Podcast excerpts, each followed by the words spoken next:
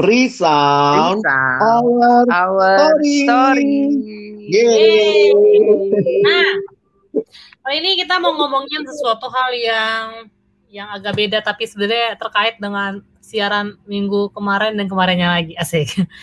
Jadi itu kita mau ngomong ngebahas tentang kan waktu kita apa ngomongin tentang sosial media, kita kan ngomongin ya orang-orang apa negara yang baik itu adalah ketika bukan negara yang baik sih. Uh, ketika kita menggunakan sosial media dan kita mengerti uh, cara penggunaannya gitu ya kan kita nggak akan ngomong secara sembarangan. Dan orang-orang yang sudah berintelek gitu ya itu kan harusnya juga mereka wise ketika mereka berbicara ataupun berkomentar di sosial media. Setuju bukan setuju? Setuju gitu ya.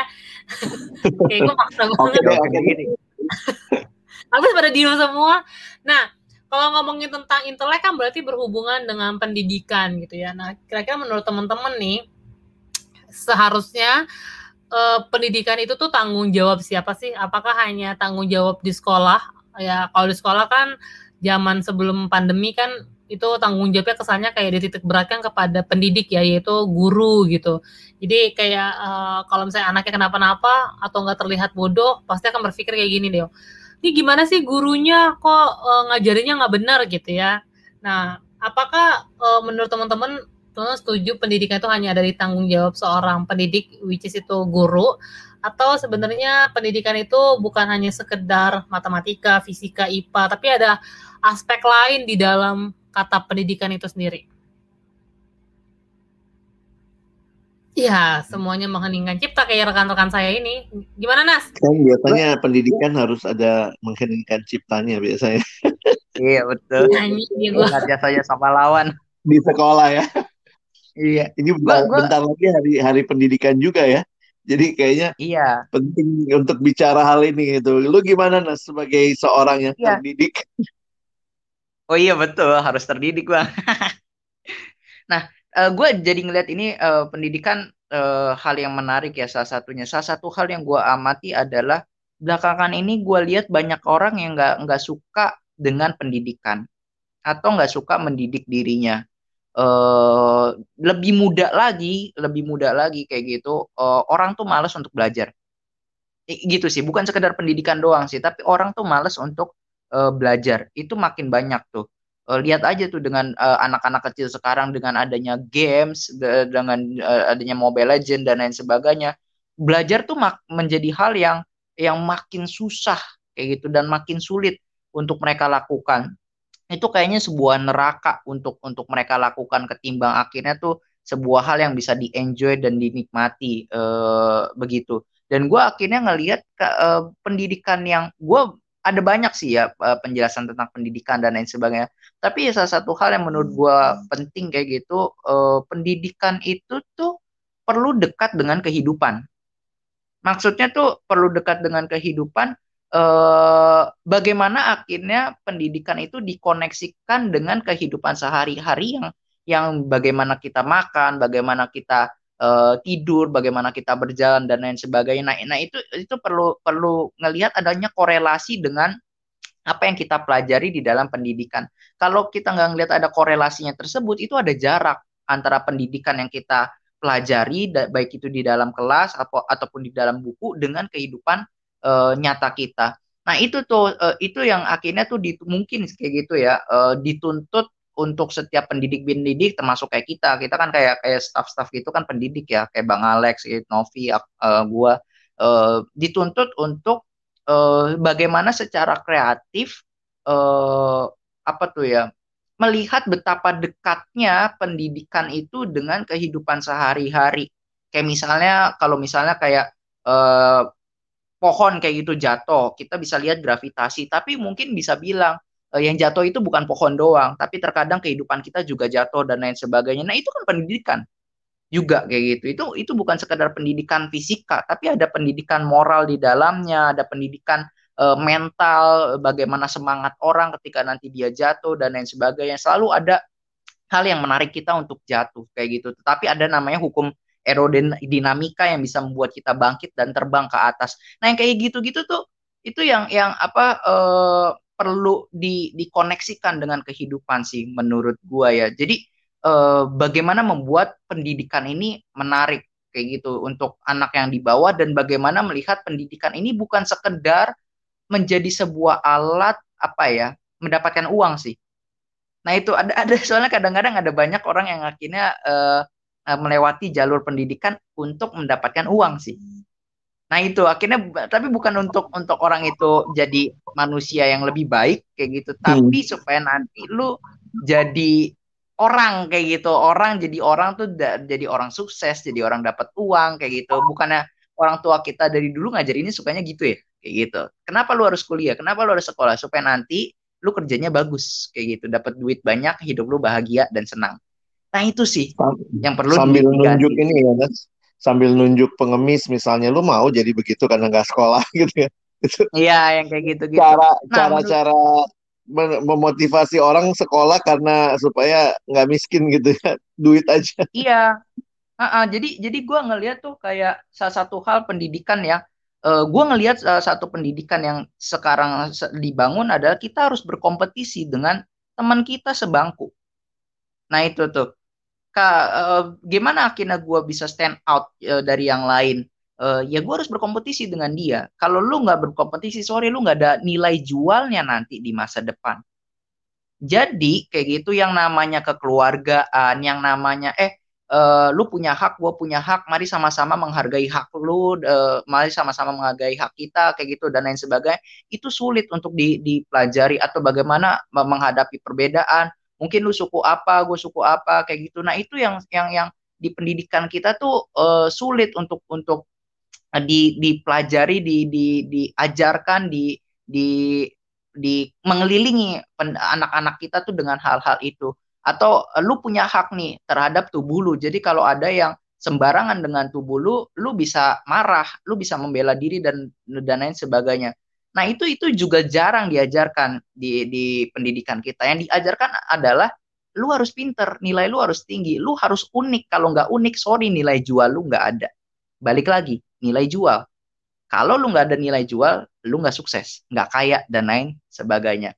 Tapi eh, sulit untuk akhirnya kalau lu nggak punya pendidikan yang tinggi, kalau lu nggak berpendidikan, lu akan mencelakai hidup orang, lu akan menyakiti hidup orang, lu akan merusak hidup orang. Orang itu akan akhirnya e, jadi musuh lu dan lain sebagainya. Orang itu akhirnya hidupnya jadi susah karena lu kayak gitu uh, menyalahgunakan pendidikan. Nah itu sih yang yang akhirnya tuh uh, kurang diajarkan menurut gua kayak gitu. Gimana tuh menurut Novi atau Bang Alex lah? Ya nggak pernah nggak pernah mudah ya diskusi pendidikan karena banyak banget aspek terkait. Cuma gue jadi menyoroti yang tadi Ernest bilang ya masalah pendidikan yang menyatu dengan kehidupan. Dan sebenarnya ya sekolah yang paling paling logis itu adalah kehidupan itu sendiri ya. Dari situ kita bisa belajar merefleksikan. Dan eh, kita sering kali mengkategorikan pendidikan hanya dengan pendidikan formal Nah tadi supaya dapat ijazah, supaya bisa kerja, ya itu juga nggak salah. Memang kita butuh itu, tapi apa yang dibentuk dari pendidikan itu kan bukan cuma pengetahuan ya. Pengetahuan dia kenal, dia tahu, dia bisa gitu. Tetapi kan kita masuk harusnya lebih dalam ketika itu jadi sebuah kehidupan, ada karakter di situ. Bagaimana? Karena begini, mungkin dia pinter, tapi ternyata komen di medsos nggak beretika misalnya gitu. Komen kalimat-kalimat kasar begitu. Jadi kepintaran aja tidak menjadi hal yang uh, segala-galanya. Kepintaran dalam pelajaran formal apalagi gitu. Jadi menurutku ini jadi PR ya buat kita karena ya buat kita yang ya paling enggak ya kita yang ada dalam pelayanan yang ketemu dengan anak-anak yang lebih muda, teman-teman yang dibangun dalam mendidik mereka ya aku pikir perlulah ya merelasikan antara teori dengan real life.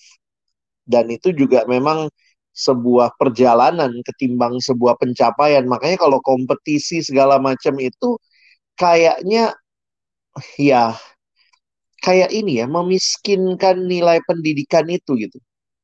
Sementara pada saat yang sama mungkin tujuan awalnya baik ya, memacu supaya yang satu lebih termotivasi, tetapi kayak akhirnya yang segala-galanya adalah pendidikan uh, dikompetisikan sehingga yang paling ditunggu-tunggu tuh adalah terima raport gitu. Yang raport itu nanti orang tua bisa bangga anak saya lebih baik dari anakmu ranking berapa. Jadi pertanyaan itu kayak menjadi segala-galanya dalam uh, pendidikan yang kita lihat. Nah, mungkin ini yang perlu dapat perhatian ke depan supaya bagaimana misalnya ya mendidik dia pintar tapi ya jangan bikin berita hoax karena justru yang suka bikin hoax mungkin anak yang pintar yang bisa bisa bikin begitu rupa karena ternyata dia miskin perhatian. Jadi pinternya pinter tapi miskin perhatian. Salah satu cara cari perhatian bikin aja yang hoax. Nanti banyak yang tanya sama aku, nanti banyak yang konfirmasi, nanti banyak yang apa, nanti tinggal jawab aja. Enggak kok bercanda hehehe. Kesannya jadi kayak dia nggak selesai pendidikannya hanya menyentuh pikiran dia, kepintaran dia dia pakai bukan untuk menjadi menjadi manfaat bagi banyak orang tapi malah merugikan banyak orang karena tetap fokus utamanya adalah dirinya sendiri. Nah, kalau aku sih lihatnya begitu. Kalau Novi ada tambahan? Sebenarnya kalau ngomongin pendidikan itu benar-benar susah-susah gampang ya. Karena uh, itu segala aspek tuh masuk gitu. Uh, dan menurut gue sih gue setuju sama apa yang teman-teman bilang gitu tapi jauh daripada daripada itu sebenarnya uh, tadi kan gue sempat ngasih tahu gini ya pendidikan itu nggak sebatas dari mata mata pelajaran mata sekolah mata kuliah gitu mata pem, mata pembelajaran di kampus atau enggak di sekolah tapi lebih daripada itu sebenarnya pendidik itu ya kita semua minimal menjadi pendidik buat diri kita sendiri. Ini ketika kita udah dewasa ya gue nggak ngomongin tentang masih anak SD masih anak uh, eh, SMP segala macam. Tapi anak-anak yang udah bisa berpikir itu menurut gue dia harusnya sebagai pendidik untuk diri dia sendiri minimal. Karena tadi kayak di belakang layar kita sempat ngomongin tentang pendidikan tertinggi itu adalah masyarakat itu sendiri gitu. Bagaimana kita saling membantu atau enggak saling memberikan informasi satu dengan yang lain ya nggak sih jadi hmm, akan sangat baik kalau misalnya ketika kita melakukan sesuatu berpikir lebih jernih gitu. Maksudnya hmm, apakah yang gue lakukan ini akan baik buat orang-orang sekitar? Apakah ini juga akan baik buat diri gue sendiri? Atau hanya untuk menyenangkan diri gue sendiri? Gitu sih kalau yang gue lihat sejauh ini. Iya, gue jadi gimana? Ada tambahan? Iya, gue jadi ngeliat itu sih memang apa uh, pendid ya setiap orang ya termasuk kita sih ya. Mesti sadar bukan mesti sadar mesti uh, memiliki kecintaan akan belajar. Nah itu kayak gitu. Uh, pendidikan gak, kan nggak berhenti. Cuman yang tadi bang Alex bilang pendidikan itu kan seumur hidup bukan berhenti soal ijazah dan lain sebagainya. Nah memang belajar itu nggak enak sih. Dan itu yang perlu yang yang perlu kita cintai kayak gitu. Nggak enak karena ada tenaga yang keluar. Nggak enak karena kita merasa bodoh lagi bodoh lagi ngelihat kita jelek lagi jelek lagi. Nah itu yang yang Eh, bagi kita pribadi itu perlu ditanamkan dan kita perlu membangun culture yang seperti itu kayak gitu. Eh, orang-orang yang cinta akan belajar orang-orang yang yang mau terus menerus tuh bergerak kayak gitu. Orang-orang yang terus yang terus mau yang mau terus menerus tuh uh, menjadi orang yang lebih baik lagi menjadi makin mengerti lagi makin memahami lagi apa yang dipahami yang dipahami adalah tentang dirinya, mengenal dirinya, mengenal Allah, mengenal sesamanya dan lain sebagainya. Nah itu yang perlu ditanamkan sih kayak gitu. Uh, dan itu memang capek. Nah cuman culture-nya itu yang perlu dibangun. Tapi kalau culture-nya yang akhirnya karena karena itu hal sulit, uh, hal yang capek, akhirnya kita cari hiburan dengan games, cari hiburan dengan cara belajar yang singkat kayak gitu uh, yang yang mudah-mudah aja tapi nggak mau melatih uh, critical thinking kita. Gue kadang-kadang suka melatihin sih ya kayak gitu. Ada banyak uh, podcast-podcast sekarang yang menurut gue pas gue nemu, wah ini podcast bagus banget kayak gitu. Cuma sayang viewernya sedikit, subscribernya sedikit. Tapi podcast yang uh, tentang uh, lifestyle, tentang uh, curhatan orang, kayak gitu, pengalaman hidup orang lain yang pengalaman hidup orang lain itu belum tentu nanti lu terapkan di hidup lu sama, itu bisa bisa banyak banget viewernya. pendengarnya banyak banget uh, di YouTube itu dan lain sebagainya. Tapi yang benar-benar tutorial yang benar-benar uh, dia kasih ilmu uh, misalnya kayak kayak hukum fisika kayak gitu. Ini fisikanya begini loh kayak gitu. Ini mentahnya begini loh uh, proses berpikirnya begini loh. Nah itu sedikit banget. Nah itu yang menurut gue loh ini gimana ya? Padahal kalau lu dapat ini nih lu dapat sebuah kalau lu akhirnya dapat dapat proses berpikirnya lu tuh dapat sebuah kebebasan nantinya.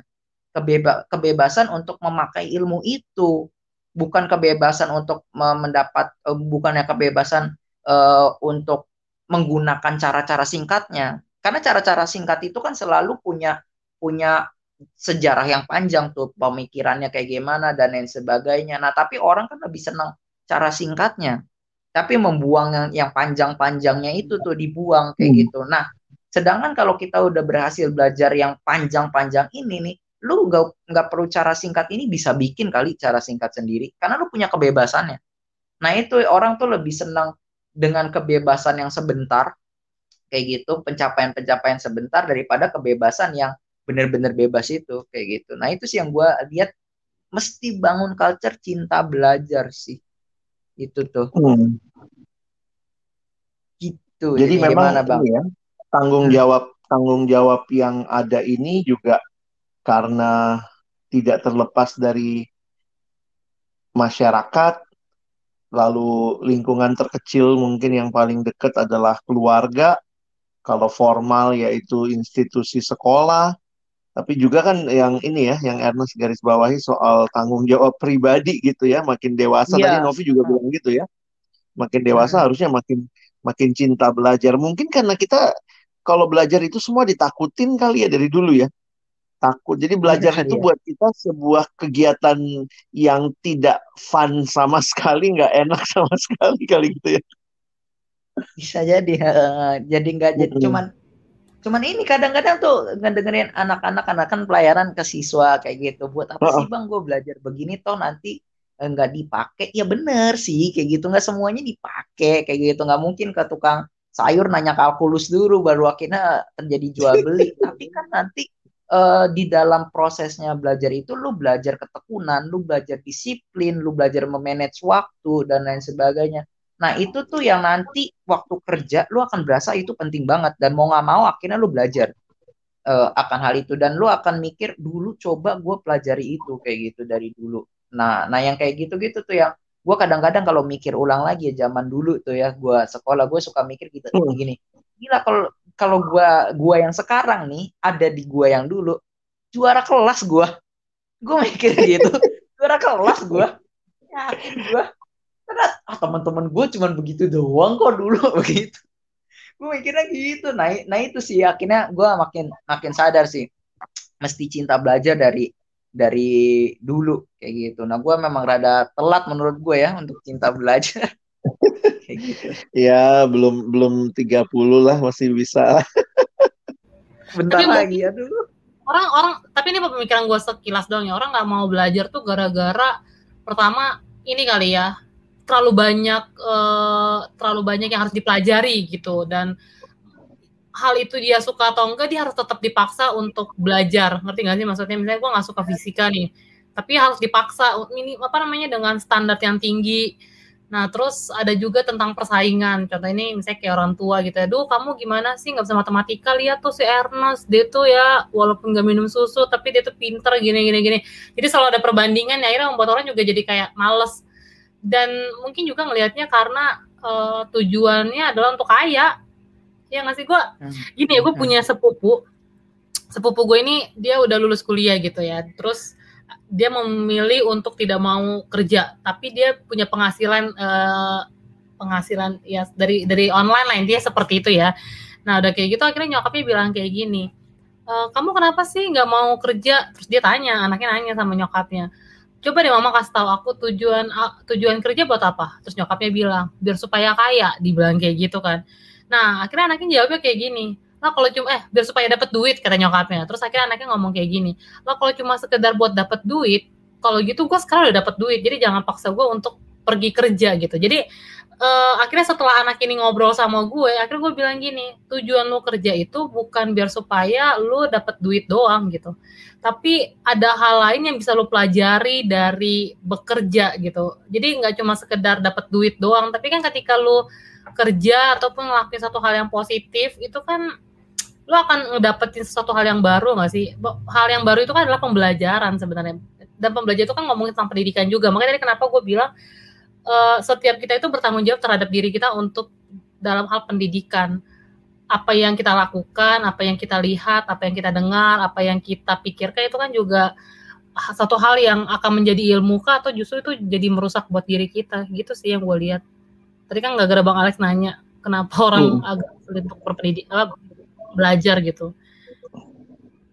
Berarti ini ya kalau aku lihat ya memang ini masih PR panjang maksudnya ya kita semua lakukanlah bagian kita. Kalau kita seorang yang adalah pendidik misalnya ya jadilah pendidik yang baik.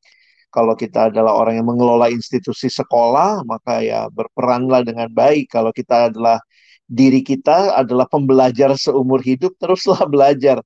Cuma gue pikir memberi ruang kali ya seperti yang Ernest maupun Novi bilang ya memberi ruang untuk merefleksikan tentang semua yang kita jalani dalam belajar itu. Bukan hanya ilmunya yang dievaluasi tetapi misalnya ketika kimia tuh begitu sulit harus hafalin rumus ternyata di situ yang Ernest bilang belajar ketekunan belajar ketelitian. Nah hal-hal gitu kayak memang nggak ada ruang kali ya merefleksikan semua itu. Jadi kayak hidup itu pokoknya masuk buku pelajaran baru, pokoknya hasil evaluasinya yang penting harus nilainya tinggi gitu.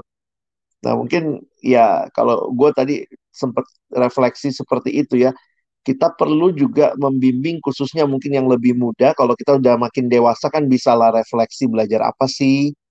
Tapi membangun kesadaran itu lebih awal supaya nggak kayak Ernest pada nyesel gitu ya. Aduh, coba gue gue balik ke masa lalu gitu.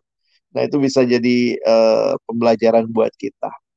Oke, okay, teman-teman ada last words mungkin atau final statement untuk uh, melihat kondisi ini dan bagaimana misalnya menyemangati teman-teman yang lagi juga sedang ya berjalan bersama menjadi pembelajar begitu. Silakan, Ernest mungkin. Gue dulu supaya jangan jatuh nanti setelah dari dari gue.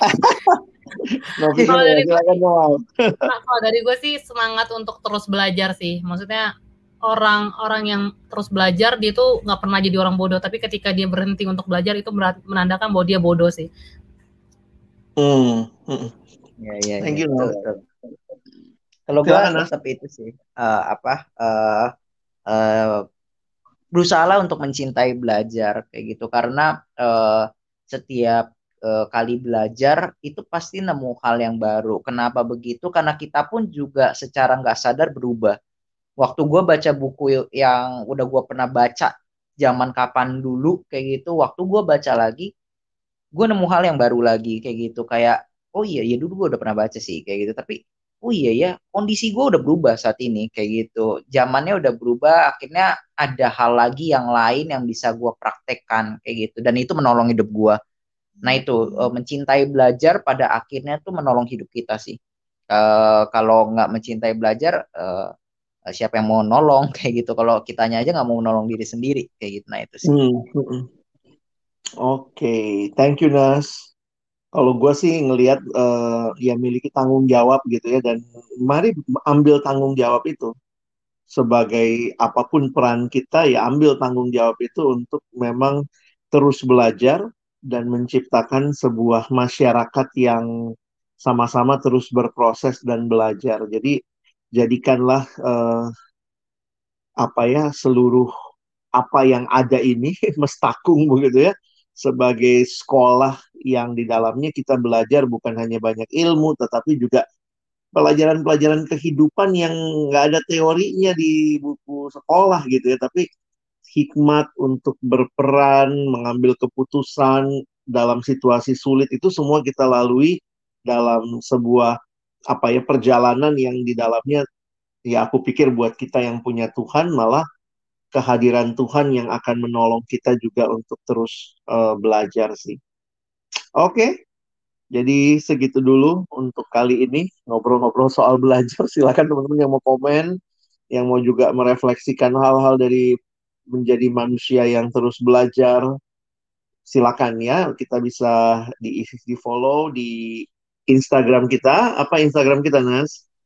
Di friendsound.id. Oke, okay. dan ikuti juga di Spotify ada eh, episode-episode uh, mendatang yang kita berharap juga tetap jadi berkat buat teman-teman. Kalau kalian menikmati, boleh share, boleh kasih komen, boleh DM juga, mungkin ada hal yang mau dibahas. Nanti kita akan bahas sama-sama. Oke? Segitu dulu untuk kali ini. Sampai ketemu teman-teman. Bye. Bye.